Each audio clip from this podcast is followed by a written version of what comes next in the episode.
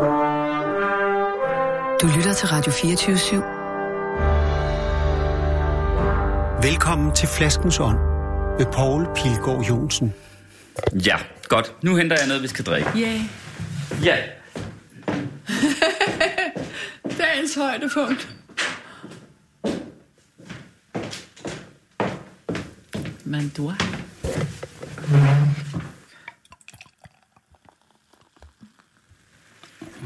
Blød lyd. Værsgo. Tak. Hov, jeg har læst, at du, øh, at du plejer at ryge sådan en lille tyk italiensk cigar, når du er drikker. rigtigt. Det er rigtigt. Men øh, ikke, øh, jeg, jeg gør det ikke indenfor, medmindre jeg står under en M-hit. jeg plejer at være forvist. Hvad er det for nogle små cigarer? De hedder Toscanello. Ja. Og det er... Jeg ved faktisk ikke, om det er cigar. Jeg tror mere, det er cerutter i virkeligheden. Ja. En lille tyk en. En lille, en lille fed en. Ja, en lille brun en. og så min, svigers, min svigerfar, han er, han er italiener, så han er blevet min pusher. Enzo på 80 år. Fra Puglia. Ja. Man må ellers gerne ryge her i kanappen. Vi har gjort det nogle gange. Nå. I de her Jamen, jeg har altså snart taget 8 nogen år, og vi har lavet flaskenton. Men øh, jeg havde nu ikke tænkt mig at gøre det i dag. Ej, så bliver jeg jo helt misundelig. Nej, jeg har ikke tænkt mig at ryge. Nå, du har ikke tænkt dig, Nej. at du sagde, jeg har ellers tænkt Nej, mig. overhovedet ikke. Nå. Og du har vel ikke taget cigarerne med? Nej. Nej. Skål. Skål. Skal vi få dig præsenteret samtidig? Ja, vil du? Jeg gør vi lige med dig. Jeg skal lige smage det her Ja, okay. Fordi jeg har, jeg har glædet mig ret meget til det. Ui, den river. Mm-mm. I næsen i hvert fald. Men ikke i din mund. Mm. Tværtimod, faktisk. Mm. Jeg ved jo ikke, hvad du synes, men... Jeg fortæller om den lige om lidt. Det var lige det med præsentationen, ikke? Sanne Gottlieb mm. er det, der sidder på den anden side af bordet her i kanappen. Sanne Gottlieb, øh, som har X-faktor. Ja, det har jeg læst i en artikel om dig. Nå, Ja. gud, det vidste jeg ikke. Jeg kan ikke huske, når den er fra. Men det var sådan et portræt af dig. Nå. At der stod også udfordrende og pågående, og så samtidig sart og sårbar. Den artikel har jeg slet ikke læst. Og så altså, at du har x-faktor. Det havde du i hvert fald på det tidspunkt. Det var, hold da kæft. Det er jo alt sammen sandt, hvad der står. Hvis man øh, lytter til Radio 24 om natten, så har man måske mødt, mødt mm. dig mm. i øh, højtaleren. Fordi du øh, har du er vært lidt, lidt endnu ja, lidt endnu. på øh, nattevagten. En gang imellem, ikke? Jo. Men ellers, øh, altså jeg kender dig faktisk mest fra, fordi jeg er jo, vi er jo jeg er lige en anelse ældre end dig. Jeg er lige fyldt 54, og du er 51, ikke? Mm.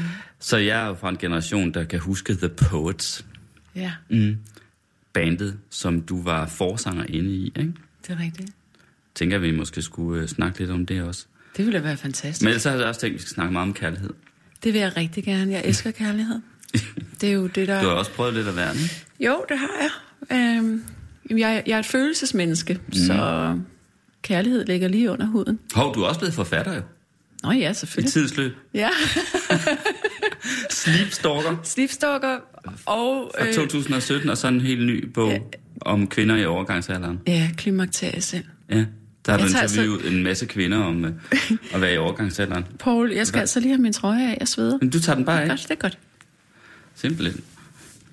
Nå, jeg tænkte nemlig, at der var lidt for køligt her i, Nej, i er kanappen, fordi, altså. Fordi jeg er sådan det en fornuftig en med uldent undertøj. Okay. Men prøv lige at høre, øh, tror du ikke bare, det er fordi, at du er i overgangsalderen? Nej, det her, det var ikke en hedetur. Det var bare lidt varmt. Har du hedetur?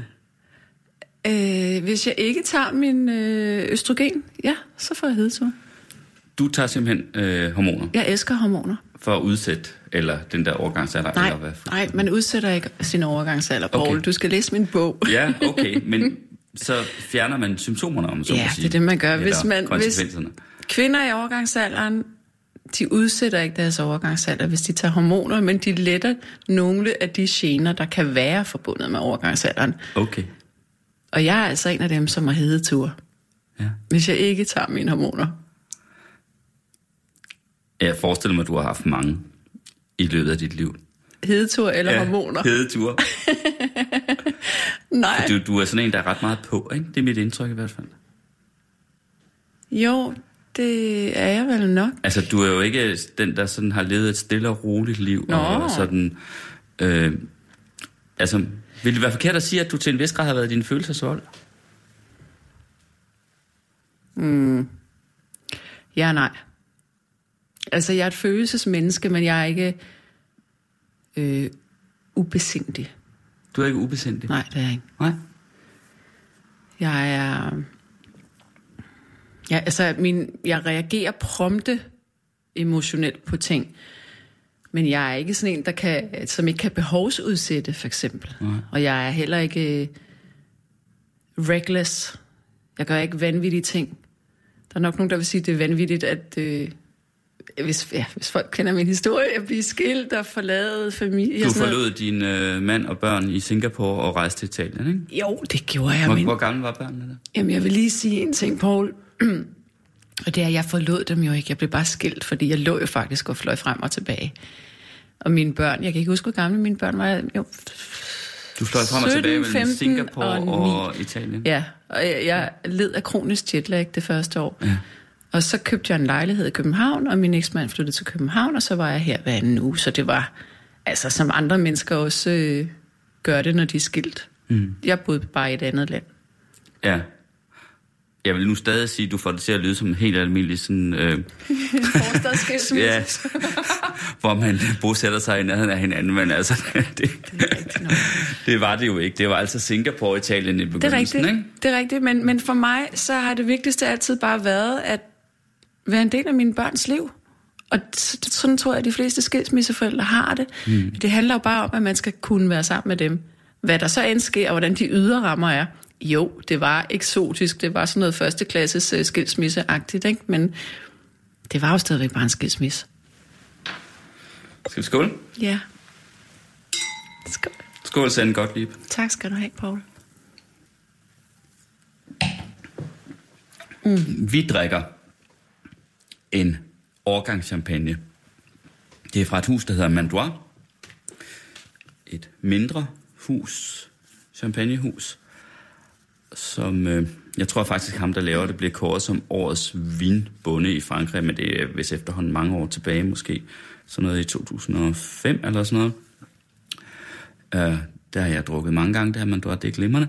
Men øh, så opdagede jeg den her for nylig, som er fra 2008. Mm. Og øh, Den er lækker. jamen, den er lækker. Den er jo så, det er jo bare sådan, det er jo creme, ikke? Det er ligesom creme, der løber ind, og synes jeg. Nu skal jeg altså lige- så blød og blid og cremet, og sådan, boblerne synes jeg ikke øh, gør ondt, eller hvad man gøre ondt, gør de jo aldrig, men altså, de stikker ikke øh, i munden, vel? Det er sket, for jeg kom til at tænke på syren. Nå, okay. Det var det første, jeg tænkte. Og så citrus. Jeg sad jeg bare tænkte på 2008, fordi sagen er den, at øh, 2008, det er den største årgang i champagne i, jeg var lige ved at sige, i 100 år. Det er måske en overdrivelse, men i hvert fald en generation.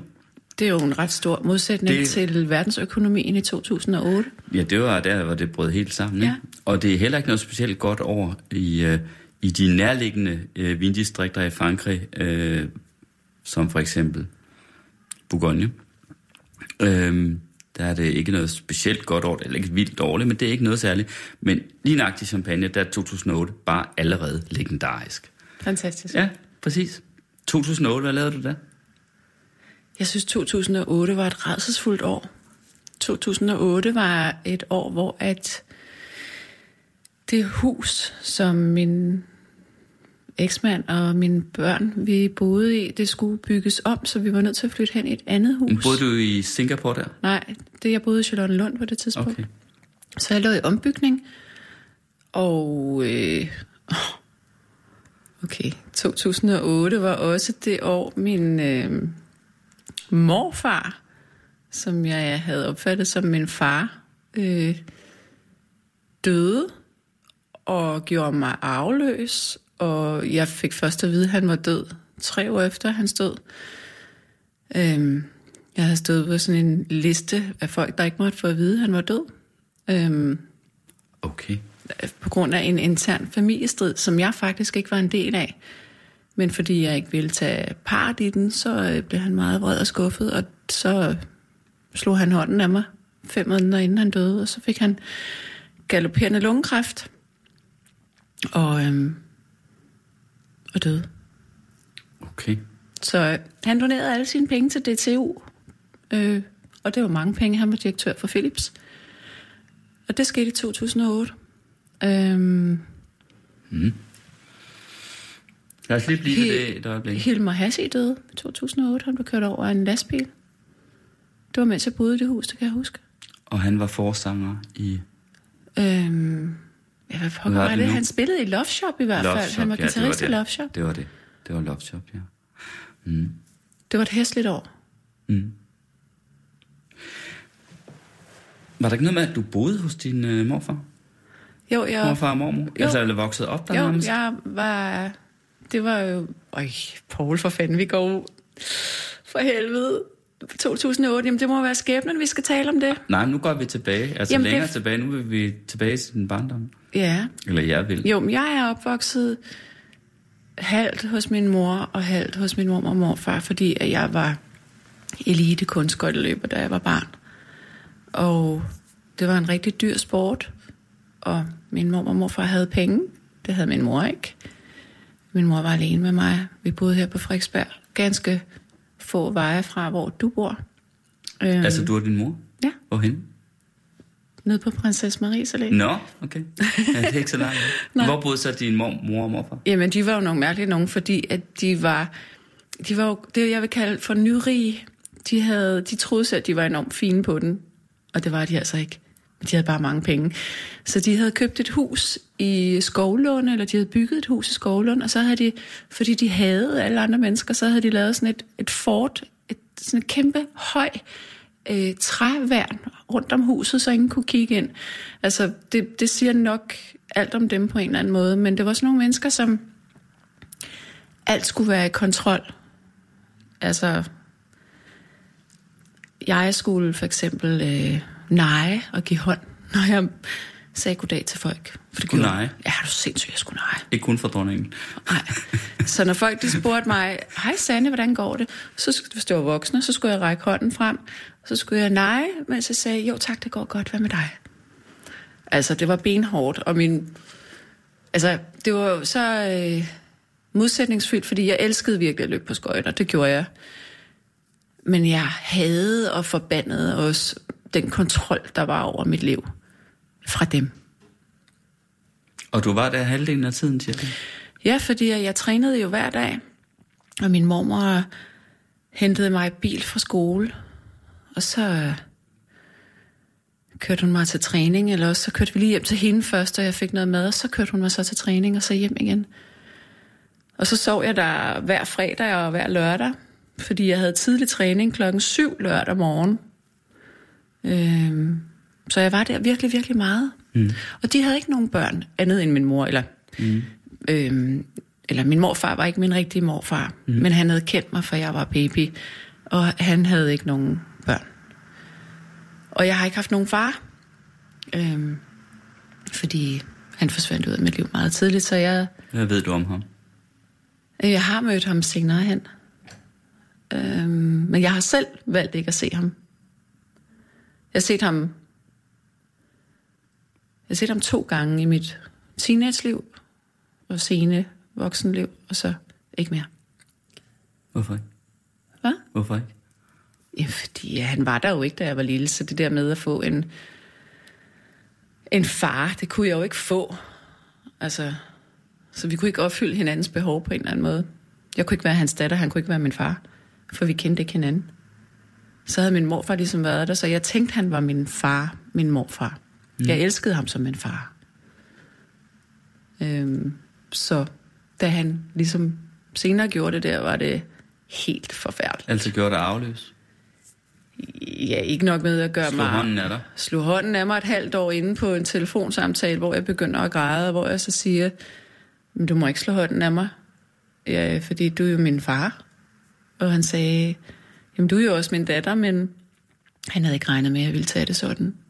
Og det havde han ikke, fordi jeg var opdraget til ikke at græde, fordi jeg var et elitebarn, til at være hård, til at kunne klare alting.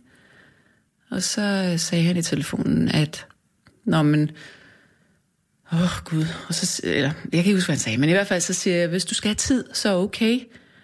men du må ikke slå hånden af mig. Og så hørte jeg ikke noget i et halvt år. Og så skrev jeg et... Øh, ej, Poul, hver gang jeg snakker om det, så kan jeg ikke trække vejret. Altså, jeg bliver nødt til at tage en sår med. Gør det. Og jeg bliver nødt til at tage åndedrætspauser. Det, jeg kan aldrig trække vejret. Det gør du bare, altså. Det her, det, det er flasken sådan. Meningen er bare, at vi skal sidde og dele et gl- et glas vin eller to sammen. Hvad hedder det? vel ikke dele et glas, få et glas vin eller to sammen. Det bliver, Og det snakke to. om det, der falder for, og det, som vi begge vil så synes er interessant. Og jeg kan mærke, at jeg synes, det her det er rigtig Jeg vil gerne fortælle det, for det er faktisk den største sorg i mit liv. Mm. Øhm, så hvorfor ikke snakke om det? Der er jo mange, mange mennesker, der har store sorger i deres liv. Nå, men så øh, skrev jeg skrev et brev, og jeg fik det ikke sendt. Og jeg tænkte nogle gange på ham, og jeg var vred på ham, og jeg var ulykkelig. Og i det brev, der havde jeg skrevet, at jeg aldrig ville kunne tilgive ham, fordi han ikke vendte tilbage til mig. Jeg ville aldrig kunne tilgive ham, hvordan han havde såret mig. Mm. Hvad, hvad var det for en familiekonflikt, som var Det udløseren? var, det var, min mormor var død, og det var nogle, et arvespørgsmål mellem min mor og ham. Altså, det havde intet med mig at gøre okay. overhovedet. Men han var nær min morfar, og han tænkte kun på penge. Og øh, derfor så endte det med en stor konfrontation mellem Ja. ja. min mor og ham. Okay. Og det ville jeg ikke inddrages i, og det var han vred over, at jeg ikke ville tage parti i. Ah, okay. Men i hvert fald, så vågner jeg op en morgen, og så tænker jeg, måske har jeg hans mailadresse, så kan jeg sende det som en mail. Og så gik der en halv time, og det er virkelig sandt, at jeg og gik kun en halv time, før jeg havde tænkt det her. Det var det første, jeg tænkte på om morgenen. Jeg tænkte, nu bliver jeg nødt til at få det afsted. Så ringer telefonen, og så siger min mor, jamen han er død. Og så siger jeg, har han begået selvmord? Nej, det havde han ikke. Han havde været død i tre uger. Hun havde fået det at vide af en slægtning i USA. At han havde været indlagt på hospice med galopperende lungekancer. Og han havde lavet en liste med, hvem der måtte vide, han var død, og hvem der ikke måtte vide det. Og eftersom han var uvenner med min mor, så måtte hun ikke vide det, og jeg måtte heller ikke vide det. Og jeg stod og skulle have min yngste søn i børnehave. Vi, skulle, vi var på vej ud af døren der. Og jeg fattede mig. Nå jo, så siger jeg til ham, hvad med pengene? For jeg havde stået på som univers... Til hende? Til mig. Nej, til mig, for jeg havde stået på til, Øh, som ja, univers... Ja, ja, men du sagde, at så siger jeg til ham, men det må være din mor, du siger det til i telefonen. Ja, det er min mor, jeg Ja. siger, det er min mor, jeg taler med. Ja. Ja. Så spørger jeg min mor, hvad med pengene? Ja. Nå, men dem har han doneret til DTU. Og vi taler altså mange, mange, mange millioner. Så det er sådan slam, slam, slam. Og i øvrigt så havde der også været en begravelse. Så jeg skulle have min søn i børnehave, køre i børnehave, og så, øh, så kører jeg væk fra børnehaven, og så sætter jeg mig, jeg bor jo tæt ved dyrehaven på det tidspunkt, kører min bil så tæt ind i dyrehaven, jeg kan komme, og så sidder jeg bare og skriger inde i den her bil, og så går jeg går ud af bilen også, og jeg kigger op i himlen, og jeg råber op i himlen, og jeg siger, hvordan fanden kan du gøre det her imod mig? Jeg er den eneste, der nogensinde har elsket dig, og så gør du det her. Mm. Øhm, og det var i 2008, hvor den her fantastiske Men, champagne... men, men, men Sanne godt mm. den der mega frustration, der så kommer ud der, da du sidder og skriger, mm. er, der, er, det også, er det også på grund af det med pengene, egentlig? Nej, det er det faktisk ikke. Det er det, det, er, det, er det Jeg faktisk tror ikke. godt nok, at jeg vil have en off-dag, hvis jeg lige har fundet ud af, at jeg var gået glip af Altså, jeg synes, det er adskillige millioner. total røv, at jeg ikke fik de penge, for det ville have gjort mit liv virkelig nemmere på mange måder. Men nej, det var det, at han bare, at han tog mig som gissel i sin egen nærhed og konflikt. Mm. Og, han, og han kunne gøre det. Altså, jeg, det var virkelig rigtigt. Jeg var sgu nok den eneste, der elskede ham af alle mennesker. Og, og så var det mig, han gjorde det mod. Var din mormor død på det tidspunkt? Ja, ja. det var det hele tvisten om, om Nå ja, det er rigtigt. Kom, det var arven af. fra hende. ja, Ja. Nå ja. Og din mor arvede selvfølgelig heller ikke nogen, fordi han var jo ikke hendes rigtige far. Ej, hun arvede ikke for ham, men hun arvede mm, sin mor. Selvfølgelig. Nå. Ja. Du må heller lige få noget mere champagne, fordi tak. du har da næsten drukket et glas. Jeg har et godt sug. Sådan her. Tak. Jamen, det er jo, det er jo en tragedie, det her for. for pokker. Ved du hvad, vi, nej, jeg ved godt, hvad vi skal skåle for. Nå? Vi skal skåle for, at, at livet er fuld af tragedier og skønne øjeblikke, trods alt. Det gør det. Det er jo det, der gør os til dem, vi er.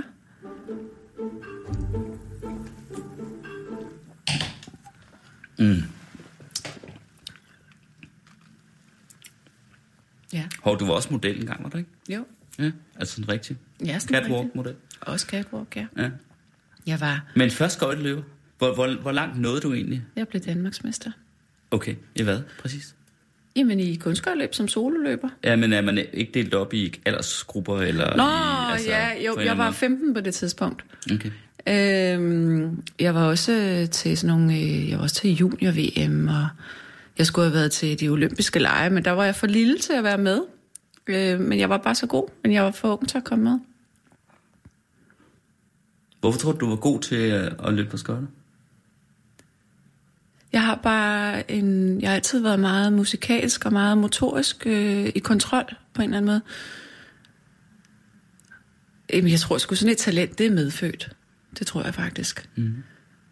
Jeg har også altid været god til at danse. Øhm, jeg var i det hele taget enormt øh, fysisk, da jeg var yngre. Jeg var generelt god til næsten alt sport, undtagen boldspil. altså, jeg var god til rundbold og til at gribe og kaste, men ellers ikke. Mm. Men, men jeg var bare, jeg tror simpelthen, det var medfødt talent. Og så elskede jeg det, og jeg trænede. Du jo. elskede det? Jeg elskede det, jeg elskede ja. det, fordi jeg kunne gøre alt med min krop. Jeg var så stærk i min krop, at jeg kunne... Jamen prøv nu at høre, det som man i dag, når folk de laver parkour, det ville jeg også kunne gøre med et knips, for jeg kunne gøre alt med min krop. Jeg kunne bevæge mig i alle retninger, jeg kunne springe i alle retninger, og jeg var bum stærk. Mm. Men, men jeg tror jo også, at der er jo noget med, man siger, hvis man skal blive rigtig, rigtig dygtig til noget, så skal man vist gøre det i 10.000 timer. Er det ikke det, man siger? Mm. Men hvorfor holdt du så op? Jeg blev skadet. Mm. Jeg brækkede alle mine øh, ledbånd i min venstre ankel og blev opereret. Og så efter operationen, der øh, havde jeg infektion i min ankel, og jeg kunne ikke, øh, jeg var ikke lige så stærk. Så der er nogle af springene, hvor man skal øh, hak, eller sætter sin, det man kalder takken på skøjteklingen, det yderste, de der spidser der, der er med meget fart på, så hakker man den der tak ned i isen, og så springer man. Men det kunne jeg ikke, fordi jeg havde ikke lige så meget kraft i den ankel der. Og så, så holdt jeg op med at vinde, og så synes jeg ikke, det var sjovt. Så jeg, ja, jeg var vant til at vinde. Mm. Det er sådan den ene del af sandheden. Den anden del af sandheden er, at jeg, da jeg var 16, opdagede, at der var et liv udenfor. Jeg mødte en, en kæreste. Uh-huh. Og så trak den del. Ja, for jeg sidder også og forestiller mig, at det, altså, du har jo virkelig, altså, det har været virkelig seriøst, det her. Øh, så du har jo... Øh, så du har jo måttet leve næsten i en slags klokke, eller hvad man skal sige. Altså, hvor der ikke har været ret meget andet. Der hvor har du har ikke været været hjemme hos dine bedsteforældre der, og så på skøjtebanen og træne og træne og træne. Der har og ikke træne været andet. træne. Overhovedet. Altså, jeg har Men været... du gik vel i skole også, trods alt, ikke? Jo, jo, men så de sidste par år havde jeg ikke alle fagene. Der var mange af fagene, som jeg blev øh, fritaget fra. Religion og idræt behøvede jeg ikke at have. Mm. Øh, Men hvordan var du så socialt? Jeg var simpelthen så mærkelig. Jamen, jeg, jeg, jeg, jeg vidste ikke, hvordan man talte med folk.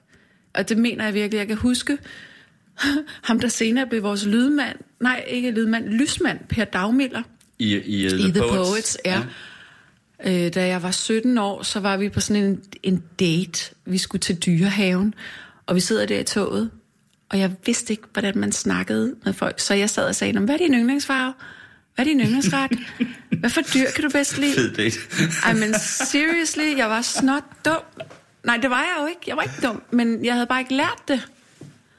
Og det var altså rigtig godt at blive model, fordi der var jeg nødt til at, at, at lære det her, fordi der er så meget læfleri og så meget... Øh, jeg bryder mig ikke om at sige, at der er fake, fordi det er der ikke, men du skal fandme have hård hud, hvis du er model.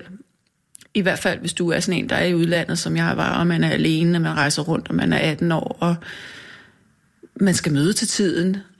altså, der er aftaler, der skal overholdes, du skal opføre dig ordentligt. Øh, og der lærte jeg de... Jeg havde altid haft disciplinen, den havde jeg for skøjteløb. Og jeg vidste også godt, hvordan man opførte sig ordentligt. Men, men det her med at lære at uh, smalltalke, Mm. det lærte jeg der. Nej, det lærte jeg sgu ikke rigtigt der. Det lærte jeg... Noget af det lærte jeg der, men, men resten kom senere. Så du kunne neje, Jeg kunne i den grad men du nej. kunne ikke snakke. Small talke. Du var sådan set socialt lidt handicappet nærmest, ikke? Jo, men det var jo ikke, fordi jeg ikke havde øh, nogen meninger, eller ikke havde noget at. Nej. snakke om, fordi øh, det kunne jeg jo godt. Jeg kunne sagtens tale, jeg kunne bare ikke... Jeg har måske, og det er måske en rød tråd, jeg har altid været ret dårlig til tom snak. Det kan jeg ikke. Jeg vil hellere gå væk, mm. eller ikke tale. Mm. Men lige der, da jeg lige var stoppet med at løbe på skøjter, der kunne jeg godt mærke, at der haltede det godt nok bag efter. Men hvad, hvad, sagde dine øh, klassekammerater og de andre i skolen til sådan en som dig? De kunne da ikke fordrage mig. Absolut ikke. Absolut ikke. Jeg var da total mobbeoffer i hvert fald. Var du det? Ja, det var jeg i hvert fald. Da jeg gik på skole her på Frederiksberg, hold kæft, det var forfærdeligt. Det var det virkelig.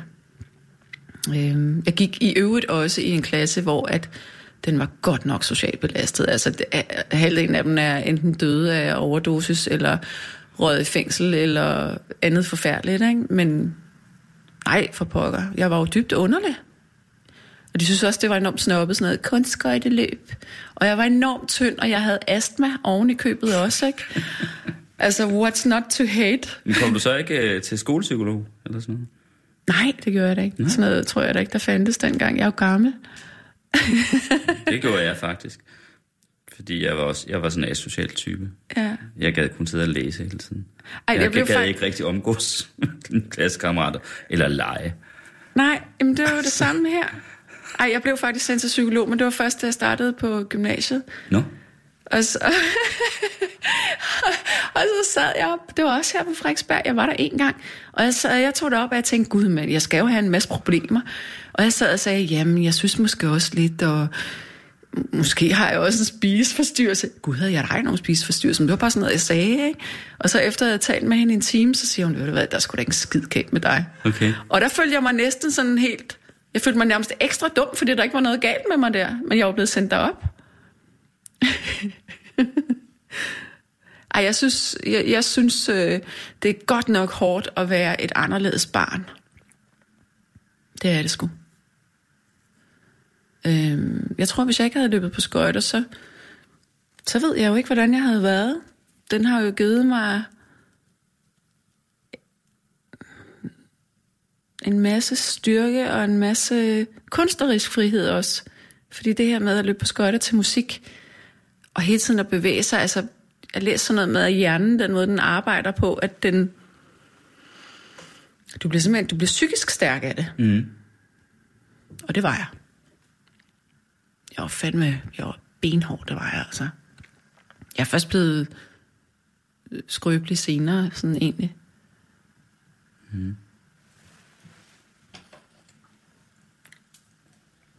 Ej, det er jo nærmest som at være i terapi, det her. Det er flasken så. Flaskens ånd. Men jeg skal lige... Ja. Men hvordan ender du så som sangerinde? For rent, og jeg glemte jo det i opremsningen i begyndelsen af alt det, du har lavet. Du har jo også været Grand Prix-sangerinde. Du har simpelthen oh, Gud. deltaget i Dansk Ej, det er jo så Og det, nummer blev? Ej, for fanden, altså det er jo det, jeg helst vil glemme, ikke? Hvad nummer blev? Jeg bliver ved med at sige til mig selv, at jeg blev nummer to, men jeg tror sgu nok, jeg blev nummer tre. Nå, okay. Det var fordi, jeg, jeg blev nummer t- ham, der blev nummer to, var en eller anden fra Jylland. Så Okay, ligesom mig.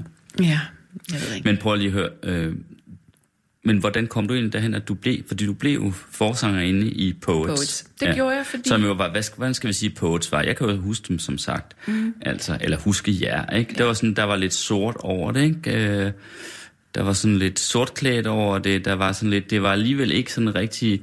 Der var en anelse punk over det, men så alligevel ikke. Det var lidt for melodiøst og lidt for Ja. måske popagtigt til at være punk, ikke? Og, og, samt, og, og, det, og det var sådan, ja, det stod set samtidig med, Twin Peaks var på fjernsynet, ikke? Jo, Altså, præcis. der var sådan et Twin Peaks-univers over det. Det var, var sådan der. lidt noir, lidt mørkt, Ja. lidt. Jeg tror, hvis Poets havde øh, breaket bare to år senere, så var vi blevet Altså, kan, seriøst kæmpe store. Vi havde jo pladekontrakt med Warner i USA. Vi kom bare aldrig til USA, men vi var på turné i England, og vi var signet til EMI i England, og vi blev udråbt til det næste store derovre i alle musikbladene.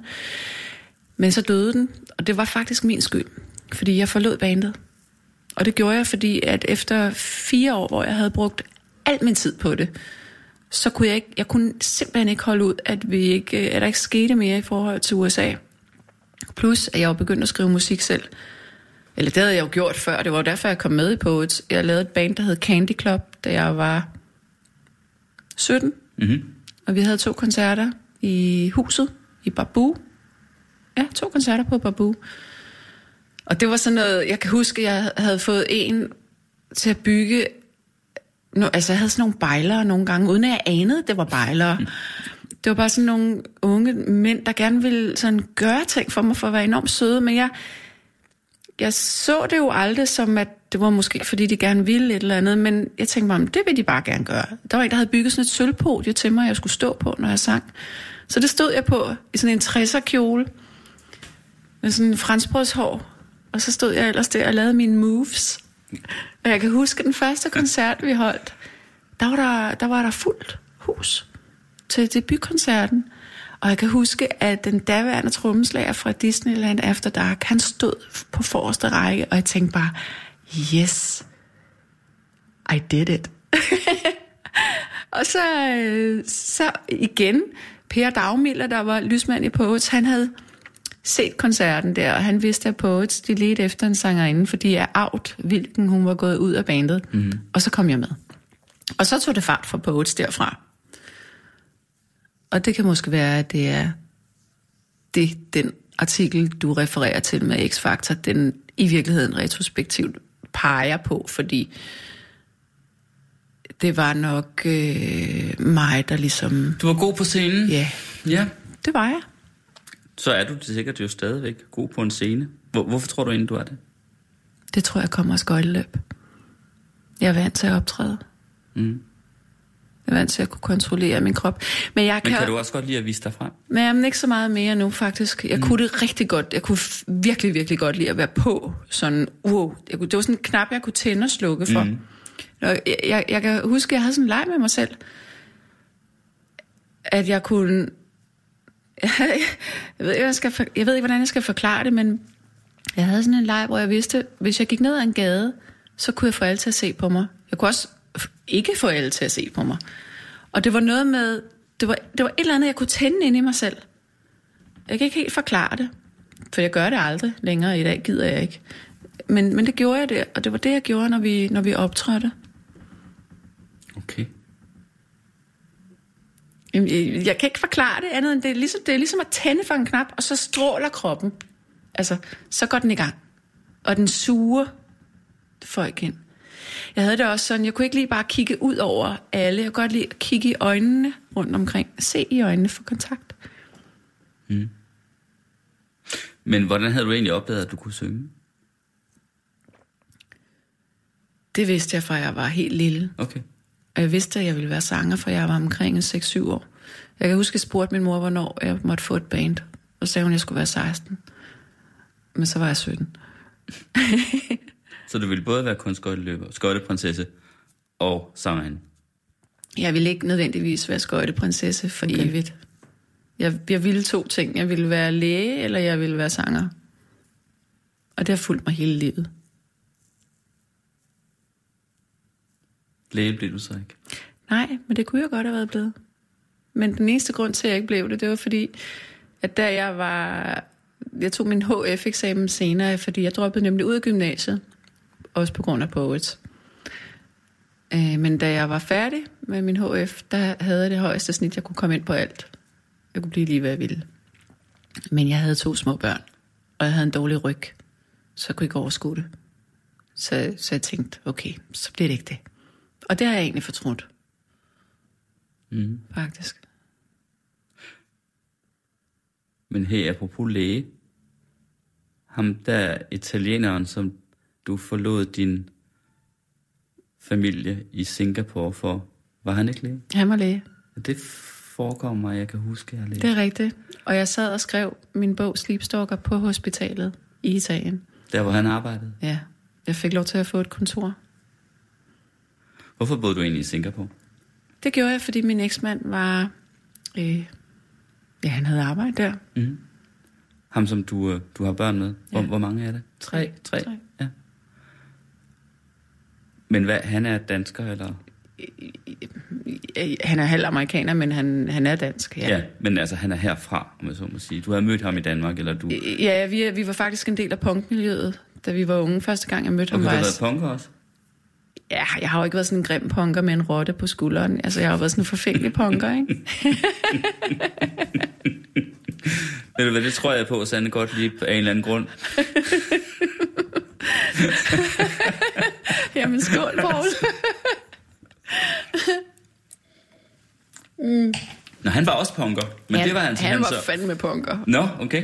Øh, Nu er han så... Hvad skulle han så i Singapore? Jamen, han øh, var ud af sådan en ambassadørfamilie, så han skulle... Øh, jamen, han var... Øh, jamen, han er... I dag er han øh, stor direktør i Nordea, ikke altså? Okay. Ja. Det er da noget af en karriere. Fra virkelig heavy punker. Jamen, det lå i Så til kortene, stor at han, direktør i Nordea, sagde du? at han skulle blive til noget, ikke? Okay. Men, men, øh, men du kom så med, så var du sådan en slags øh, Jeg var- medhjælpende hustru, eller hvad det hedder? Ja, ja, det var jeg da. Ej, det var jeg jo så ikke, fordi jeg havde jo også en musikkarriere i Singapore. Jeg var jo lidt en popstjerne derude. Ej, ikke popstjerne, det var jeg ikke, men jeg, jeg havde kontrakt med Warner Music, og de kørte det rigtig, rigtig hårde stilling, og jeg havde nogle remix, som blev spillet ret ok i Malaysia og i Thailand. Og de kunne ikke finde ud af at sige mit navn derude, så hver gang jeg sagde Sanne, så sagde de Sunny. Så tænkte jeg bare, "Men så kalder jeg mig sgu bare for Sonny. Så det var det, jeg hed derude. Okay. Ja. Men det liv, du har levet, forestiller mig, har været sådan et expat-liv, ikke? Altså, Jo. hvor, Og, ja, nej, for jeg har... fordi det lyder som om, din mand allerede på det tidspunkt var mere sådan velaflagt, ikke? En af de velaflagt, velaflagt vesterlænding i Singapore. Eller hvad? Det er jo selvfølgelig bare min... Øh, Jamen, øh, Min fordom her, eller min Jamen, det har da været et expat-liv, men jeg har jo aldrig været en expat-frue. Mm. Fordi jeg er igen... Jeg er ikke så god til topsnak. Jeg er ikke så god til at spille tennis. Jeg er ikke så god til at mødes i en eller anden American club, eller British club, eller hvad ved jeg, og drikke eller spise frokost med veninderne. Det gider jeg seriøst ikke bruge mit liv på. Jeg vil hellere skabe noget. Og det var måske også derfor, jeg var grundlæggende frustreret i Singapore, fordi selvom at jeg havde den her pop-ting, så var det jo, altså jeg kan huske en gang, jeg skulle være med i et tv-show øh, og optræde. Eller nej, det var ikke et, jo, jeg var sgu også i et tv-show, men det var ikke lige der. Nej, jeg var, det var en, en version af X-Factor faktisk, hvor jeg var gæstestjernen. Mm. Jeg kunne ikke få et band derude, fordi det var jo kun filipiner, som stod og lavede øh, kopinummer. Altså, det var jo forfærdeligt. Der var jo ingen kreative mennesker. Så mødte jeg en fransk DJ, der havde boet i Singapore. Maxim hed han. Og vi begyndte så at lave musik. Men så var det det bare... Så det gik dårligt i mit ægteskab. Og så var det, ja. det gik dårligt i dit ægteskab. var det blevet tom snak også? Nej, Nej. det var bare ikke blevet snak. Min mand arbe- eller min eksmand arbejdede simpelthen så meget. Vi, altså, hvis man ikke passer på, så glider man jo fra hinanden. Mm. Det var det, der skete. Tror du, det var derfor, du forelskede dig i øh, Ja. den israelske læge? Øh, Prøv at høre, hvis kvinder, som ikke bliver set, de leder efter at blive set andre steder. Det er muligvis også sådan, der for mænd. Måske det er bare sådan, det er for mennesker. Men kærligheden er så skrøbelig, og den er, det er ikke noget, vi bare kan tage for givet. Den vokser ikke af sig selv hver dag. Den skal bekræftes og næres hver evig eneste dag. Og det lyder som en floskel og en kliché, men det er sandt. Det har jeg lært. Jeg nærede den heller ikke selv. Jeg giver ikke min eksmand skylden. Det er lige så meget min egen skyld. Men det er bare det, der sker med mennesker. Vi glemmer det.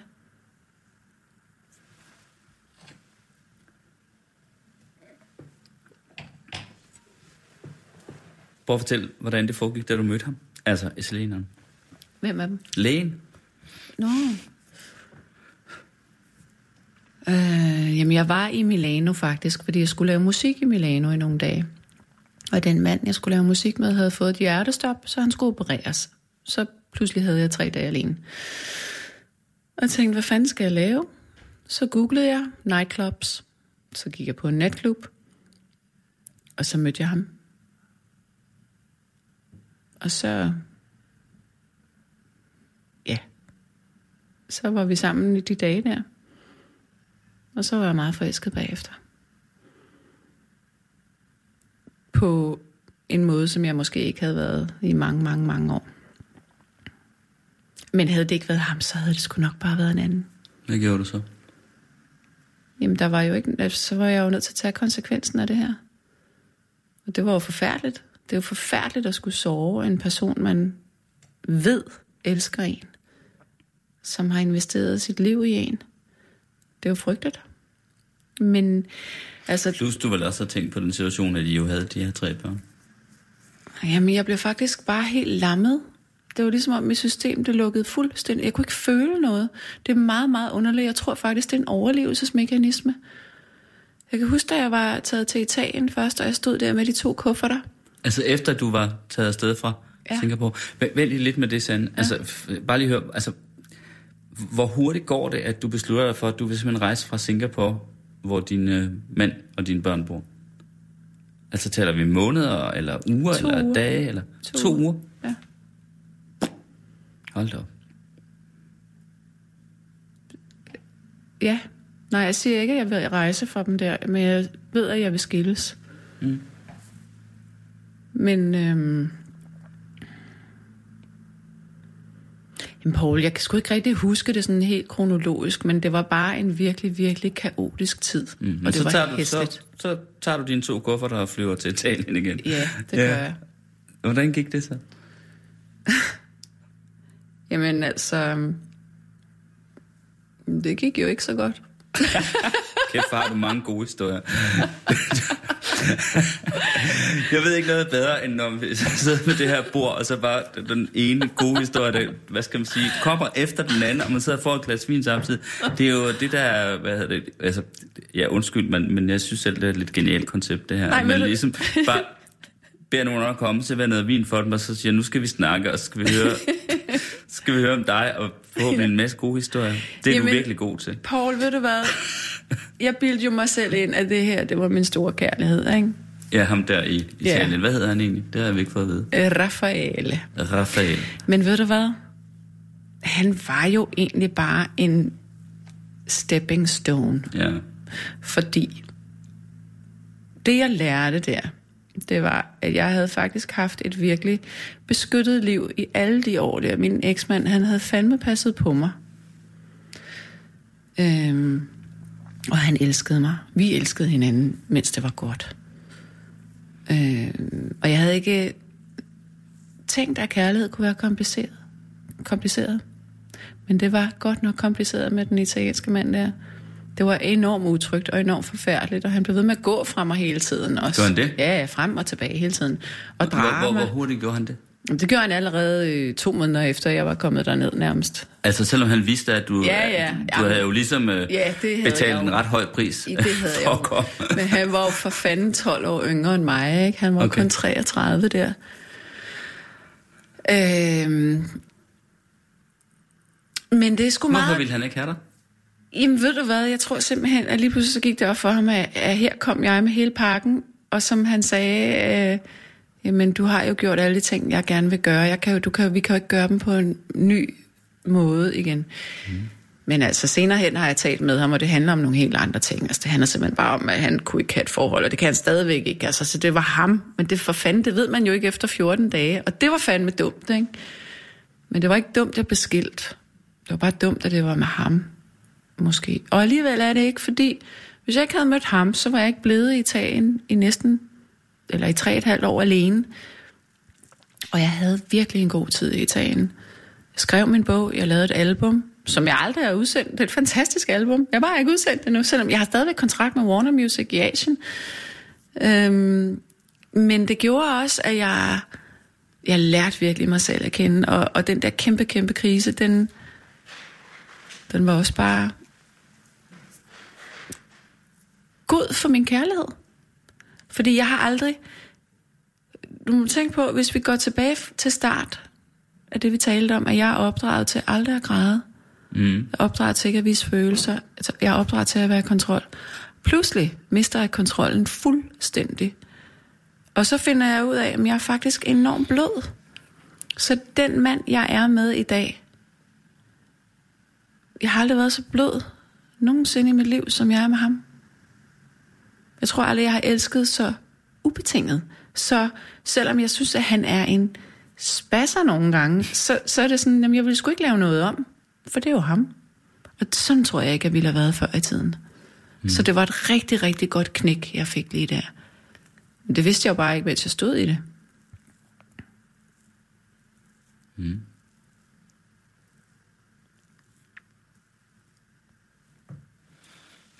Vil du have noget mere? Ja, Champagne? tak. Jeg, jeg kan mærke, at jeg vil blive fuld nu. Ah, fuld, jo, prøv at høre. Nej, men jeg har ikke nogen galleblære. Jeg, Du har ikke nogen galleblære. nej, det er Hvorfor ikke? Jeg har fået fjernet min galleblære, okay. da jeg var 30. Har du gallesten? Ja, jeg havde betændelse i hele min galleblære, hvis Nå. Vi skal være eksplicit. Men, men øh, har, har det indflydelse på, Ja, hvordan... Øh, så nedbryder man nemlig ikke alkohol lige så godt. Det, bliver, det er sådan en meget nem date. Jeg bliver fuld i løbet af to glas. så skal du ikke have mere end det, du har fået nu. Nå, okay. Skål. Skål.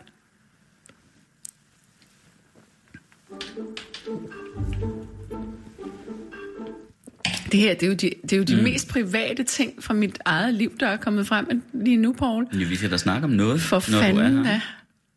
Men, men øh, hvad, hvad sagde folk egentlig? Øh, hvad sagde andre mennesker til det med, at du så... Altså fordi, jeg ved godt, det gik godt i ægteskabet og så videre. Det var, du siger, det var en tredje sten, ham, Ja, ja. Rafael, derfor, de du måtte videre og så videre. Men hvad sagde...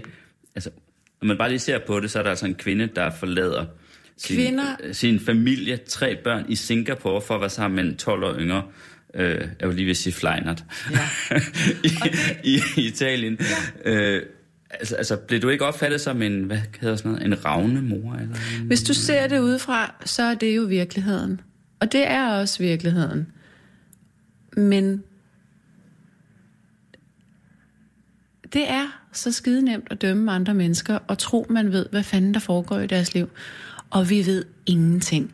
Bare prøv at se på folk, der slår deres familie ihjel. Så siger naboerne, at han var sådan en flink, sød, rar mand. Ikke? Mm. Vi kender ikke folk. Vi mm. ved ikke, hvordan tingene er. Mm.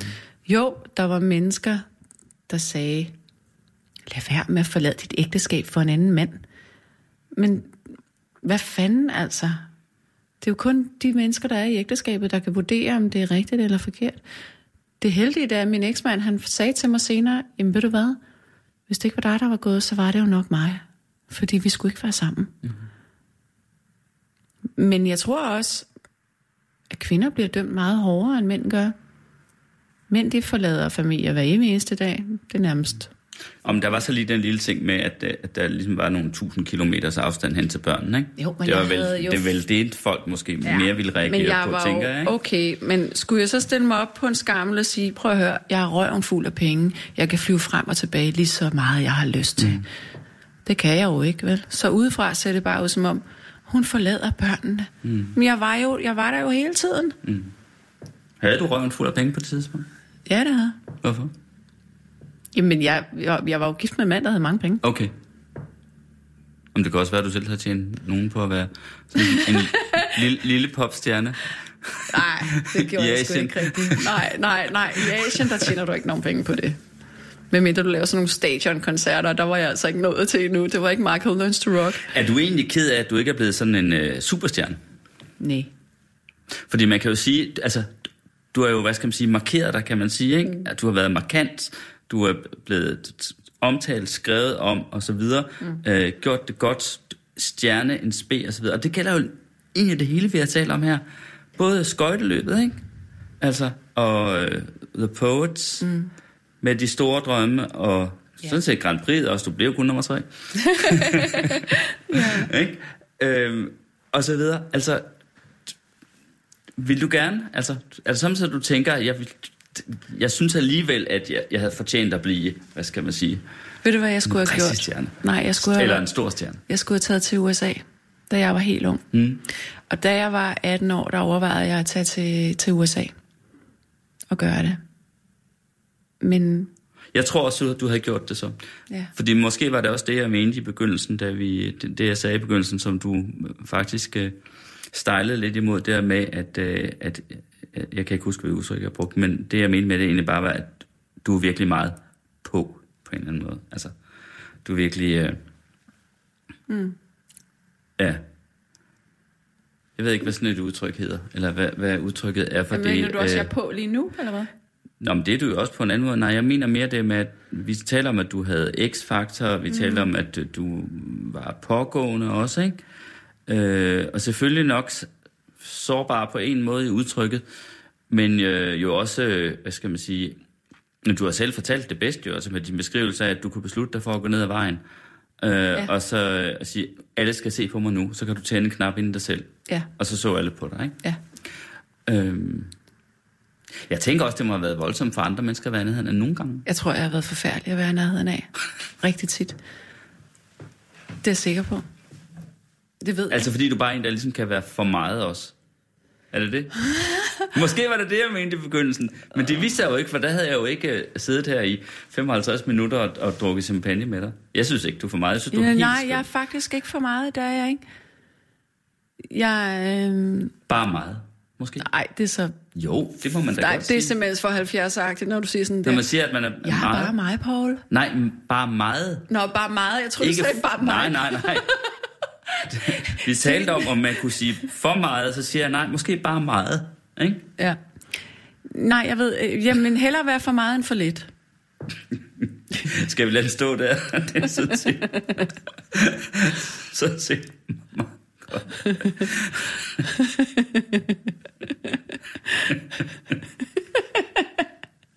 Skål, Paul. Skål. Nå, men hvad forestiller du dig så, Med hvad? at der skal ske i den tiden, der kommer? Jeg skal da være... Jeg skal jo skrive mange bøger. Du skal skrive bøger. Ja, men jeg skal også ud med min musik. Jeg skal simpelthen have det der musik ud igen. Mm. Den eneste grund til, at jeg ikke gør det, det er faktisk, fordi jeg er syg. Ja. Er du syg? Ja, jeg er syg. Og det har jeg været i, i syv år. Jamen, det er meget underligt. Jeg har øh, fået øh, noget, hvor at... Øh, min krop, jamen, det er sådan en autoimmun ting. Øh, jeg har sådan et overaktivt immunforsvar, og det gør, at når det er varmt eller koldt, eller hvis jeg dyrker... Hvis min puls kommer for, for meget op i lang tid, hvis jeg bliver varm, så slår jeg ud i neller yber alles. At du får nællefeber? Ja, Simpelthen. overalt. Jeg er sådan en, der ikke må, jeg må ikke løbe, øh, jeg må ikke dyrke motion, fordi jeg hæver i min hals. Altså, der er sådan noget, der hedder exercise induced øh, anaphylaxis, og det er sådan noget, man kan få, når man har det her. Men nu skal jeg faktisk om 14 dage, så skal jeg begynde at få sprøjter. Altså med, med, med binyrbarkhormon eller Nej, et eller andet, der nej, dæmper det er- immunforsvaret? Eller Nej, hvad? jamen, det er noget, der dæmper immunforsvaret. Det er noget, der hedder Solære. Man giver det til meget hårdt ramte astmapatienter. Men man har bare fundet ud af, at det virker også på sådan nogen som mig. Og når jeg får det, og hvis det virker, så skal jeg i gang igen. Men det er derfor, jeg ikke har været ude at spille eller gjort noget med musikken. Er For jeg har ikke kunne optræde. Ja. Ja. Det er derfor, jeg begyndte at skrive i stedet for. for at få afløb for et eller andet. Jeg vidste bare ikke, at jeg kunne skrive. Du er lige ved kommet en uartighed om, at du jo så også er en overfølsom type, ikke? det er du jo så konkret, ikke? Jo, ja. ja, ja. Ej. Nu er timen altså til ende. Ja, og du ved alt Ninette mig Birk, produceren, hun øh, meddeler mig det.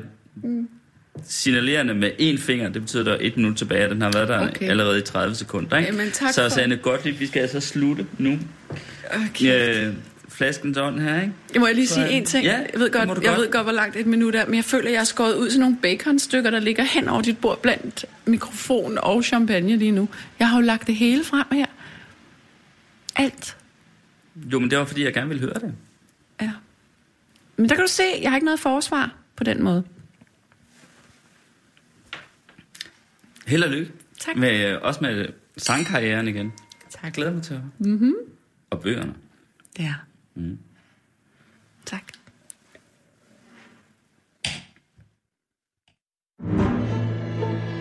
Du lytter til Radio 24 /7.